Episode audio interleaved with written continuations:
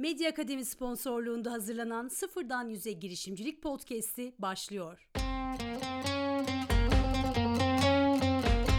Merhaba, ben Okan Yüksel. Medya Akademi sponsorluğunda hazırladığımız Sıfırdan Yüze Girişimcilik Podcast'inin 8. bölümüyle karşınızdayız. Bugün 5 Ekim 2021 Salı ve uzun bir aranın ardından podcast yayınlarına kaldığımız yerden devam ediyoruz. Yayınları uzun bir ara vermek zorunda kaldık çünkü Medya Akademi'de işler beklediğimizden de yoğun olmaya başladı. Yoğunluğa rağmen sistemi geliştirip talepleri olabilecek en iyi şekilde karşılamayı ancak başardık, başarıyoruz. Bu süreçte sistem kurma ve geliştirme konusunda oldukça deneyim sahibi olduk. Bunları da podcast'in ilerleyen bir bölümünde sizlere detaylı olarak anlatmak istiyorum. Gereğinden fazla süren bu ayrılık için öncelikle herkesten kendi adıma özür diliyorum. Bu süreçte şunu görmüş oldum. Medya Akademi sponsorluğunda hazırladığımız Sıfırdan Yüze girişimcilik podcast'i beklediğimden de etkili olmuş. Ara verdiğimiz dönem boyunca yeni bölümler için pek çok e-posta ve mesaj aldık. Bu da bizi önemli kararlar almaya itti. Sıfırdan Yüze girişimcilik 10 bölüm olarak planlanmıştı ancak daha fazlası için kolları sıvamış bulunuyoruz. Şu an için yayın planımızı 25 bölüm olacak şekilde revize ettik. Yani daha önümüzde öğretici ve aynı zamanda eğlenceli olmasını dilediğimiz uzun bir yayın dönemimiz var. Umarım bir daha bu kadar uzun aralar vermek durumunda kalmayız. En azından ben bunun için elimden geleni yapacağım. Ve evet, şimdi hazırsanız girişimcilik üzerine konuşmaya, fikir alışverişinde bulunmaya kaldığımız yerden devam edelim. Bugün konumuz girişimcilik, dijitalleşme ve dijital dönüşüm olacak. Medya Akademi'nin medyaakademi.com.tr slash sözlük adresinden ücretsiz erişebileceğiniz dijital pazarlama sözlüğüne göre dijitalleşme, herhangi bir bilginin analog formattan dijital formata dönüştürülmesi olarak ifade ediliyor. Dijital dönüşüm ise yine aynı sözlükte toplumsal ve sektörel ihtiyaçlara dijital teknolojilerin entegrasyonuyla çözüm bulmanın ve buna bağlı olarak iş akışlarının ve kültürün gelişmesi ve değişmesi şeklinde açıklanıyor. Dijitalleşme ve dijital dönüşüm özellikle pandemiyle daha önce hiç olmadığı kadar önem kazandı. Bunu aslında hepimiz yaşayarak gördük.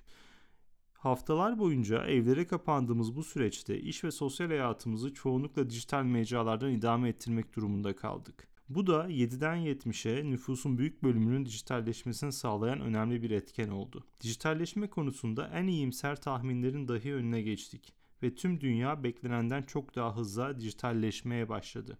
Deloitte'un İşin Geleceği 2020 raporuna göre pandemi döneminde kurumların %48,7'si tamamen %43,2'si kısmen evden çalışma sistemine geçti. Uzaktan çalışma düzenine tüm çalışanlarıyla dahil olanların başında medya ve reklam sektörü geldi ki bu durum biz Medya Akademi'yi oldukça etkiledi.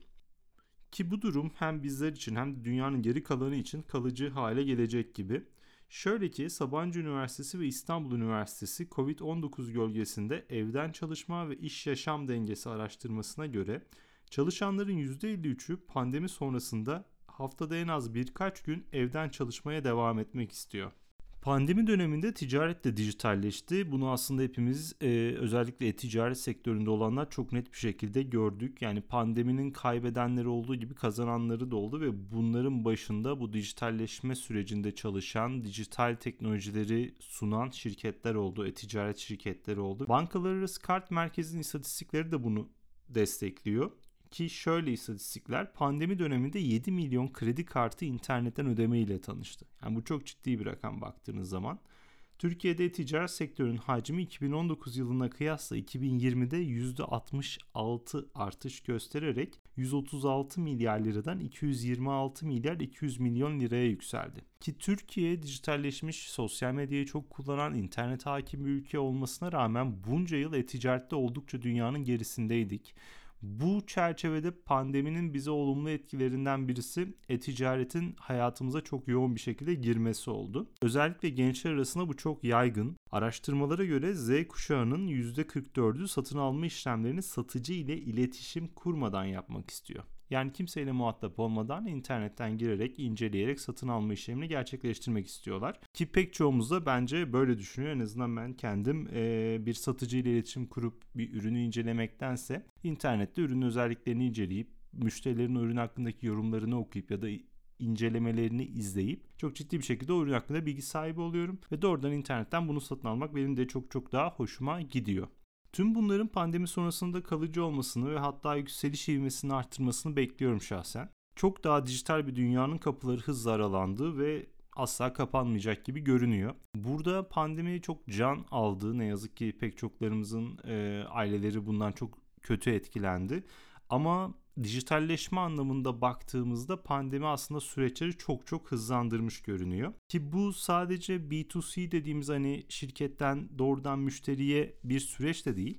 B2B olarak baktığımız business to business işlerde de ciddi bir dönüşüm yaşandı. Burada DHL Express'in çok ciddi bir raporu var. B2B pazarlama işlemlerinin %80'i dijital kanallardan yürütülecek gibi bir öngörüde bulunuyorlar. DHL'in raporuna göre 2019'da %19 büyüme ile 12,3 trilyon dolar olan B2B e-ticaret pazarının 5 yıl içinde 21 trilyon dolara yükselmesi hedefleniyor. B2B pazarında e-ticaretin payı %12 ve e-ticaret geleneksel pazardan çok daha hızlı büyüyor. Bu yıl içerisinde ise online B2B satışlarında %72'lik bir artış bekleniyor.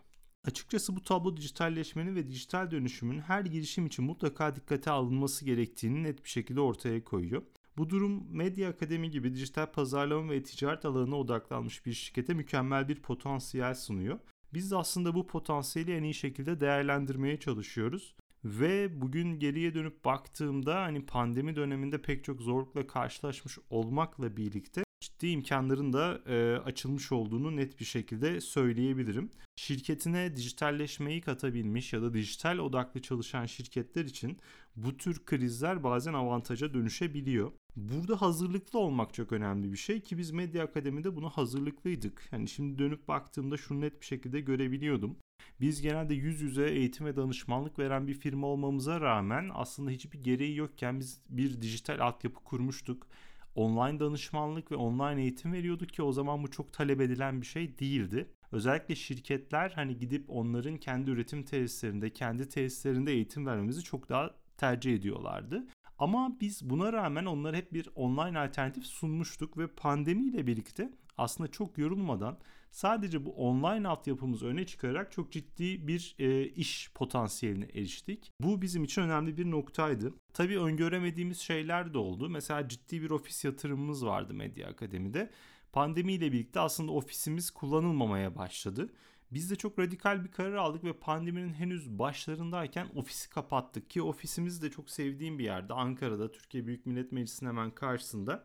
Kavaklıdere'de güzel bir e, binadaydı ve e, üzülmekle birlikte o binayı direkt boşalttık ve bugün aslında e, hepimiz bir Mac'le bir iPhone'la işlerimizi götürüyoruz. Ki bu ekibe de çok hoş geldi. Pandeminin ilk döneminde insanlara bir işte telefon, bir e, bilgisayar hediye ettik ve artık işleri online olarak yapacağımızı söyledik. Burada Workington e, bize oldukça iyi bir alternatif sundu. E, onların açık ofislerini kullanıyoruz şu anda. İstanbul'da, Ankara'da, İzmir'de e, onların e, kendi tesislerini biz kurumsal olarak kullanıyoruz. Hatta yüz yüze eğitimlerimizi de buralarda yapmaya başladık.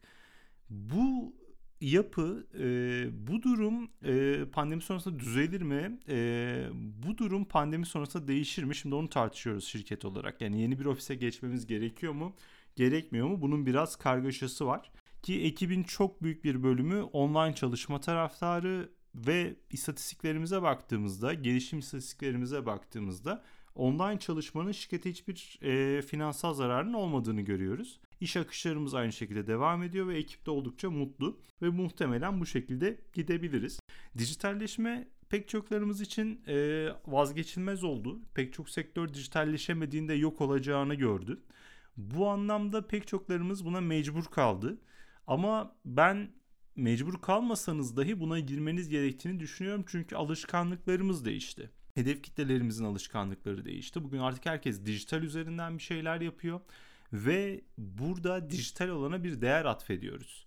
Eskiden bir şeyin online ya da dijital olması biraz sanal ve gerçek dışı görünüyordu ama şimdi siz eğer dijitalde yoksanız siz gerçek dışı görünüyor konuma geliyorsunuz. Bu çerçevede dijitalleşmenin ve dijital dönüşümün hem kişisel hayatlarımızda hem de şirketimizde önemli bir uğraş alanı olması gerektiğini düşünüyorum. Bu alanlara yönelmemiz gerektiğini düşünüyorum.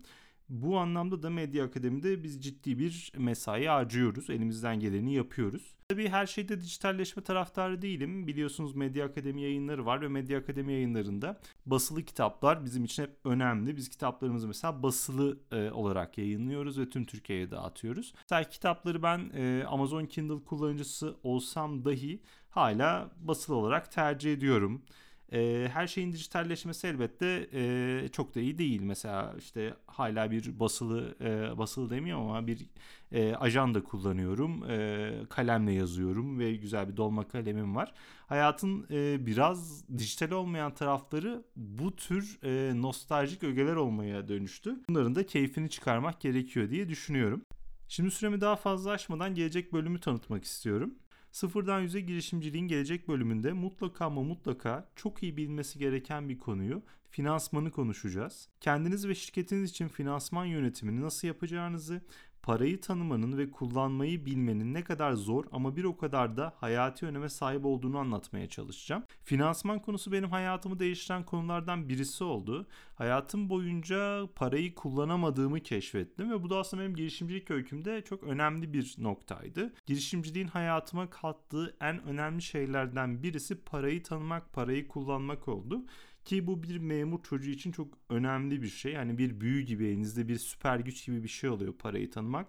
Ve eskiye dair hatalarınızı görüp gerçekten kendinize çok kızıyorsunuz. Bu anlamda gelecek bölümü kaçırmamanızı öneririm. Benim için de güzel bir bölüm olacak. Gelecek bölümde görüşünceye değin sağlıcakla kalın. Dilerim bir daha bu kadar uzun aralar vermeyiz. Sizleri çok özledim. Sizlerin de bizi özlediğinizi gelen mesajlardan, yorumlardan gördüm belirttiğim gibi. Bunlara da çok mutlu oldum. Son olarak destekleyenlere, bize mesaj göndererek programa devam etme gücü verenlere çok çok teşekkür ediyorum. Gelecek bölümlerde görüşürüz. Hoşçakalın.